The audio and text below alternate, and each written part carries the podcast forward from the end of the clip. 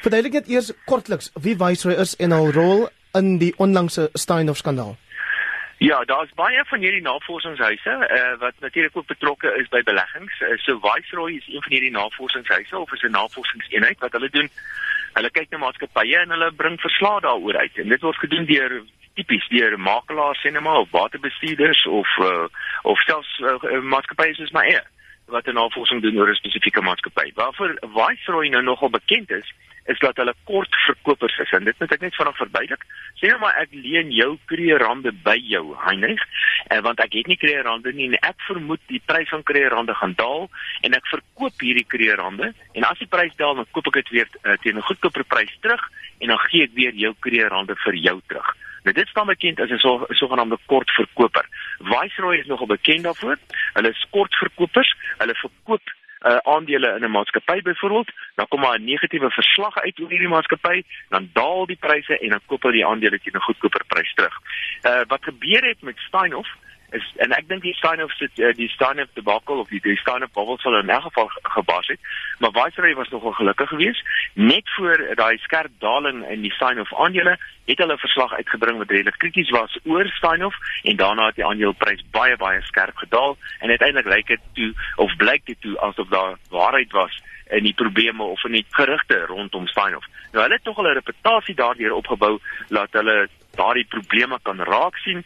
En die afgelope klompie weke was daar 'n paar gevalle gewees waar daar gerugte die ronde gedoen het dat dat die Viceroy weer 'n keer die een of ander verslag gaan uitbring en dan kom die mark onder baie baie druk as jy kyk na die individue by staan by by Viceroy, dan is dit maar ek dink een van die die ou wat die brein agter dit is eintlik 'n sosiale werker, hy het nie eens die nodige kwalifikasie. Ons het, so ek dink hulle is kortverkopers. Goed, ons ek dink daar was baie fokus op op Viceroy gewees met die vorige Steinhoff verslag. Ja. Um, ek wil baie graag hê ons moet praat spesifiek oor Capitec wat 9 miljoen Suid-Afrikaners of um kliënte natuurlik raak en daar is ook baie vrae van ons luisteraars. In 'n netedop dan, wat presies het Viceroy oor Capitec bekend gemaak? Nou laat ek net sê, ek het nie kreerande nie maar ek is wel 'n kapitaal kliënt. Okay, en um, ander gesien nie omgee nie. Gaan ek gaan ek miskien net so vinnig verduidelik wat banke doen, want dit is nogal belangrik en dit is inderdaad wat Viceroy aangeraak het. Uh banke, daar's twee groot probleme met banke. En dit is dat banke is afhanklik van deposante. En uh, jy moet ook onthou dat uh, die meeste kleinhandelbanke het nie eenvoudig nie genoeg geld om al hulle deposante onmiddellik terug te betaal nie. Want 'n uh, bank leen geld by mense en hulle leen dit aan iemand anders ter uit en die heel meeste banke gaan in baie groot likwiditeitsprobleme kom as ons almal hardloop en al ons deposante of deposito's onttrek by die banke. En om daardie rede is daar allerlei streng reëls op alle banke van toepassing. En indien daar 'n sogenaamde run om the bank is, dan dan dan dan het die bank net eenvoudig nie genoeg geld nie, maar dit beteken nie die bank is insolvent nie. Dit bring jy by die tweede probleem van bankwese en dit het inderdaad te doen met die kwaliteit van hulle sogenaamde kredietboek. So hulle leen geld aan mense uit en as hulle nie die geld kan terugkry nie, dan kan die bank inderdaad op die ou end insolvent raak. Nou die Reserwebank het gister gesê dat Capitec is nie insolvent nie en Capitec het voldoende likwiditeit. En selfs aan al is daar 'n likwiditeitsprobleem by by Capitec omdat hulle solvent is, gaan dit maklik vir hulle wees om om geld te kry of by hulle aandeelhouers of by ander banke of selfs by die Suid-Afrikaanse Reserwebank. So, en dit is inderdaad waarop Viceroy sin speel. Hulle sin speel daarop dat dat dat Capitec nie voldoende likwiditeit het nie en hulle sin speel daarop dat uh, dat Capitec uh, inderdaad insolvent is en dat hy nie die nodige uh, bates het om sy om sy laste te dek. Daarby wat hulle ook sê is en ek haal dit aan in die Engels aan, legal documents obtained by Viceroy show Capitec advising and approving loans to delinquent customers in order to repay existing loans en ja. daar is 'n analis met die naam David Shapiro wat jy baie goed ken van Sasfin Securities. Ja. Hy sê, "Look, I always believed the share was too pricey, but I've always liked Capitec's business model."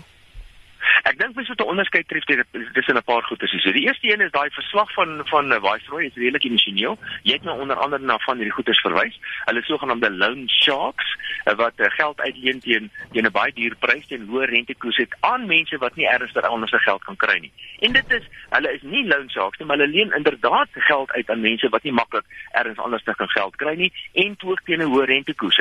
Dit staan bekend as vraag en aanbod en dit staan bekend as die werking van die vrymarkstelsel. Mense moet dit egter nie verwar met die aandeleprys self nie. 'n Aandeleprys is nie noodwendig 'n aanduiding van van die gesondheid, die likwiditeit of die solvensie van uh, van 'n bank nie. Want 'n aandeleprys het 'n hele klompie ander inligting ook in. Dit het inderdaad te doen met die winsgewendheid van die bank, maar dit het ook te doen met vertroue in die bestuur van die bank. En sonder enige twyfel, het die bestuur van Capitec die afgelope tyd werklik waar nogal amok gemaak op die finansiële markte en hulle het baie vinnig of baie kort tyd 'n baie indrukwekkende besigheid tot stand gebring. Ek het nie hulle state ontleed nie en ek het nie ek is self nie betrokke by Capitec op enige wyse nie. Maar wat ek gewel gelees het en wat ek verstaan van die Reserwebank en ek het self met die bestuur van Capitec gepraat, is ek baie tevrede met die wyse waarop hulle onder andere hulle slegte skuld hanteer. Alle banke het slegte skuld, maar dit hang af van die bestuur en hoe jy dit spesifiek bestuur. In die geval van Capitec het hulle is hulle inderdaad 'n hoë risikobank wat aan hoë risiko kliënte uh, geld uitleen meer as die meeste ander banke, maar hulle bestuur dit goed en dis die kern van die besigheid van Capitec. Dawie, kom ons luister gou na wat uh, Gerry Forrie, die uitvoerende hoof van Capitec, gistermiddag gesê het. We always open to communicate to anyone, to the media, to asset managers, to investors. Viceroy has admitted this morning on Bloomberg they haven't been in contact with ourselves. They know our office is open, so they brought out a one-sided report, which we believe a lot of things are factually completely incorrect. Uh, we've also got a problem with the fact that they short the stock and then bring out a statement, so they've got a profit motive behind it. I think they can do much more to get the facts from both sides. We have uh, given instruction to our attorneys to take it up with the FSP because we're not happy that the way they actually go about it. En hierin lê dalk die verskil tussen Capitec en Steinhoff. Die een het onmiddellik gereageer. Ja, inderdaad, ek dink die wyse waarop veral onder die bestuur en direkteur uh, self na vore gekom het en dit in en, en hy het hierdie verklaringe uitgereik, hy's maklik toeganklik deur die pers en hy het vir die pers presies verduidelik wat in die gang is. Maar mense moet ook onthou dat daar's 'n baie daar's 'n ander groot verskil tussen Cinema Steinhoff en en Capitec of tussen 'n gewone maatskappy en 'n bank. Banke is hang dis baie belangrik om uh, om vertroue in die finansiële stelsel in 'n land te handhaaf. En dit is hoekom die Reserwebank kan ek wel hulle krediet gee daarvoor dat die Reserwebank self vinnige verklaring gister uitgereik het en gesê het dat Capitec baie gesond is. Dit kan baie keer gebeur en ons het dit al baie keer in die geskiedenis gesien dat as een bank in die moeilikheid kom, selfs al is hy nie insolvent nie, en het net likwiditeitsprobleme en wat gebeur in die proses baie keer is as as een bank omval en trek dit 'n volgende bank om en dan trek dit 'n volgende bank om en, en dit is inderdaad wat ons gesien het in 2008 en 2009 in Amerika met die finansiële krisis wat hulle daar ervaar het. So die Reservebank het korrek opgetree om dadelik te sê dat Capitec gelikwid is en genoeg insolvent is en dat die die, optrede van Capitec se bestuur was ook korrek geweest om dadelik uh, na met die pers te gesels en met die beleggers te gesels en met die publiek te gesels. Daar wie verduidelik presies wat aan die gebeur is. Ons het 'n minuut oor voor nuustyd en ons kan nie oor gaan oor dit gaan nie. Ehm um, watter belang het die Reserwebank daarbey dat hulle 'n goeie beeld van ons banke voorhou en beteken dit dat daar niks verkeerd kon wees aan Capitec se kant nie? Nee, ek dink daar is niks verkeerd by by Capitec. Daar is altyd iets verkeerd verkeerd aan enige maatskappy. Dit hang af hoe die goederes bestuur word en ek het geen twyfel nie dat Capitec wel slegte skulde het en soos enige ander bank het hulle wel slegte skulde. Wat die Reservebank aanbetref, uh, dit is 'n dis van die uiterste belang van die Reservebank. Dis deel van hulle verantwoordelikheid, monetêre beleid, maar hulle is ook verantwoordelik vir die banke in Suid-Afrika en die Reservebank moet seker maak dat die banke behoorlik gekapitaliseer is. Die banke moet elke maand ten minste of baie keer meer gereeld aan die Reservebank verslag doen en mense kan eintlik argumenteer dat die Reservebank te streng is en dat Suid-Afrikaanse banke te gesond is. Dit is baie keer nie 'n slegte idee dat 'n bank se hier en daar bietjie onder druk kom nie. Suid-Afrikaanse banke is van die gesondste in die wêreld. Jou raad in een woord aan Capitec kliënte, bly of gly?